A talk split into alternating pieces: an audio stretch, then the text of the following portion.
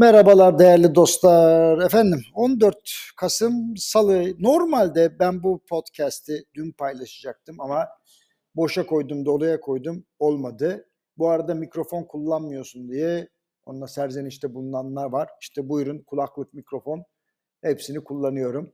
Şimdi efendim konu ne? Dün biraz YouTube'da anlattım. Hatta makale yazdım. Öyle de anlattım anlamayanlar olup olmuş. Herhalde ben anlatamadım diyorum üstüme alayım. Şimdi paramı ne yapayım diye herkes koluma yapışıyor bir yerde. Yani e, iktisat hocaları herhalde hani çok zengin veya bir görüntü veriyor veya yaşantı tarzınız sebebiyle veya seçtiğiniz bilim dalı sebebiyle hani mutlaka paraya hükmediyorsunuz gibi e, görüyorlar. Aslında biz kendi hayatımızı hükmediyoruz. Yani kendi kendimize yeten insanlarız. Mesela ne Diderot gibi delirip züppelik yapıyoruz işte Röpte Chamber'ın renginde bütün evini döşemiş, tekrar parasını pulunu kaybetmiş vesaire biliyorsunuz.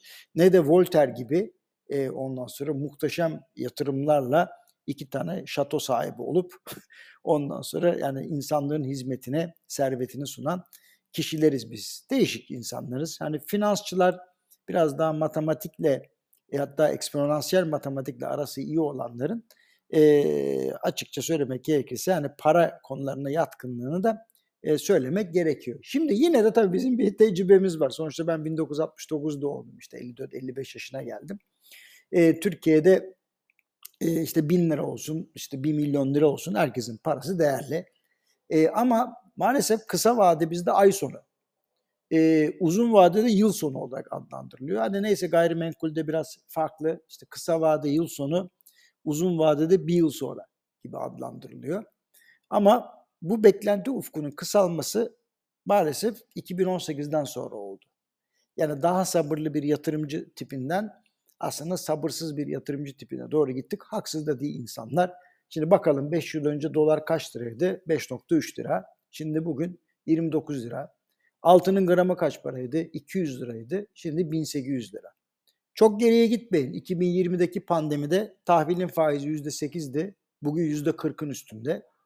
Yine pandemide yani 2020'de 10 bin liraya kiralanan apartman dairesi İstanbul'da bugün 100 bin lira oldu. Şaka değil bu. Şimdi geçenlerde bir e, konferansta birisi dedi ki ya dolar enflasyon kadar artmıyor. Nasıl artmıyor ya dedim. Hani tüfeği kastediyorsan kümülatif olarak %334 olmuş 5 yılda hayat pahalı diyorsan olur tartışabiliriz ama zaten enflasyon hayat pahalılığı kol kola gidiyor. Ee, o da devalüasyondan e, açıkçası devalüasyon derken resmi devalüasyonu kastetmiyorum. Yani döviz kuru hızlı gidince otomatik olarak enflasyon yaratıyor. Bu da hayat pahalılığı yaratıyor. Ama resmi enflasyon işte 400'den fazla kalemi içeriyor. Ama bizim hayat pahalılığımız işte e, bizi en çok etki eden 25-30 kalem mal ya da hizmeti e, içeriyor. Dolayısıyla aralarında uçurum var. Şimdi enflasyon ve hayat pahalı sakin seyretseydi vatandaşlar hani 5 yıl beklerlerdi ve ciddi kazançlar elde ederlerdi ama şimdi mümkün değil. Kısa vadede değerlendirme yapıyorlar paralarını. Hemen arkasından da e, göz diktikleri ya da uzun zamandır satın almak istedikleri bir malı ya da hizmeti e, ondan sonra e, ne bileyim işte ma- maliki olmaya çalışıyorlar.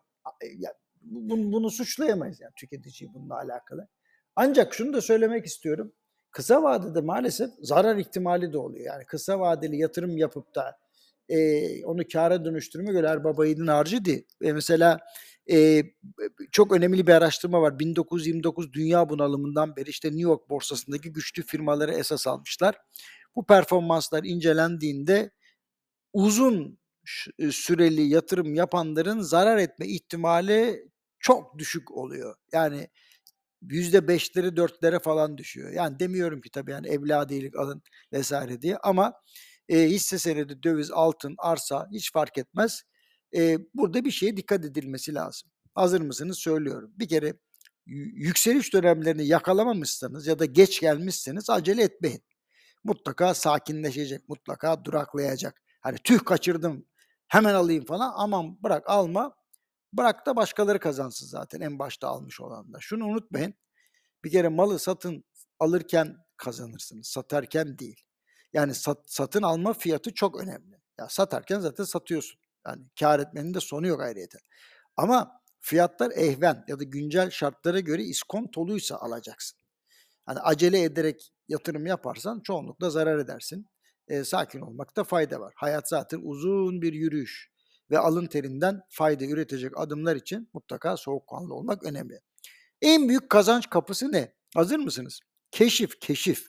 Yani sağdan soldan gelen dedikodular değil. Mesela ben bu videoyu çektim. Serzenişte bulunmuş birisi demiş ki hocam doğrudan doğruya alacağımız şeyi söylesene. Allah Allah. Ya kardeşim diyorum ki bak bizim söylediğimiz onun söylediği vesaire değil. Tabii ki bizim söylediğimiz istişare ama bizzat kendi çabanla keşfet. E, göreceksin ki çok daha fazla kazanacaksın. Yani uzun zamandır mesela sakin duran bir hisse senediyle ilgili bir araştırma yap bakalım. Niye sakin duruyormuş? Bir haber mi gelecekmiş acaba? Veya harcama ve geliriniz arasında bir detaylı çalışma yapın. Ya da gelişmeye gelişmeye çok açık bir yörede keşfettiğiniz imarlı bir arazi bulun. Ondan sonra kolay değil bunlar ama keşif yapmak lazım. Eğer enflasyon ve faiz oranları arasında yakaladığınız karlı makasları veya uzun süre sessizliğini görüp satın aldığınız döviz ya da altını ben bilemem ama bunlar büyük kazanç veriyor. Fakat bir detaya dikkat edin. Nispi fiyat dengesi bozuktur Türkiye'de. Yani beraber yükselmez fiyatlar, çarpık yükselir. Ve kazanç ne olursa olsun mutlaka gelip hayat pahalı ve maliyetler sizi yakalar. Dolayısıyla yüksek enflasyon döneminde ihtiyaç ve ihtiraslarınızın arasına mutlaka kalın kırmızı bir çizgi çekmenizde fayda var. Bunu anlayabilmek için şöyle yapın. Harcadığınız kuruş faydaya dönüyor mu? İktisadın temel kavramı fayda. Mesela tatile çıkacaksınız. Mutlaka ciddi bir karşılaştırma yapın aynı paraya daha kaliteli bir hizmeti alacağınız yer varsa orayı tercih edin. Hani illa e, alıştığınız yere gidecek yani gidip de kazık yemeyin kusura bakmayın. Yani, alıştığım yer burası diye. Daha iyi hizmet varsa e, daha iyi hizmet alın. Hani keyfinizden tasarruf edeceğinize harcadığınız paraya hakkını verin. Hem siz mutlu olun hem de etrafınızdakiler. Bir kere marka bağımlısı olmayın. Hangi ürün tam olarak ihtiyacınızı hitap ediyorsa onu satın alın televizyon olur, otomobil olur, çanta vesaire fark etmez. Bakın nasıl olmalı fonksiyonları? İşlevsel, konforlu, dayanıklı, akıllı, connectivity özelliği olan, update edilebilen ve tasarım açısından size yakışan. Yani sağın solun ya da arkadaşlarınızın sizi itip kalkmasıyla, baskısıyla falan sizi mutsuz edecek harcama yapmayın. Şimdi bunları yapmayı başarırsanız göreceksiniz ki bir kısım parayı kenara koyacaksınız. Hatta bunu da beklemeyin karlı yatırımınızdan gelen paranın en az yarısını bir sonraki yatırım için kenara koyup sabırla bekleyin. Hazır paradan haberdar olan ev halkının kaprislerine boyun eğmek zorunda kalanlar için direnin kardeşim demekten başka tavsiyem yok. En güzel kredi nedir? Söylüyorum. Hiç ihtiyacınız yokken aldığınız düşük faizli kredi. Bir daha faizler tek haneye düşerse hakkınızda bulunsun. Bu arada bir misal vereyim. Yıllar önce bir arkadaşım gelecekte ulaşmak istediği tasarruf miktarına kavuşmak için çok düşük faizli kredi aldı ve bunu da mevduata koydu. Şaka yapmıyorum. Ev halkına da sürekli üstüme varmayın kredi ödüyorum derdi.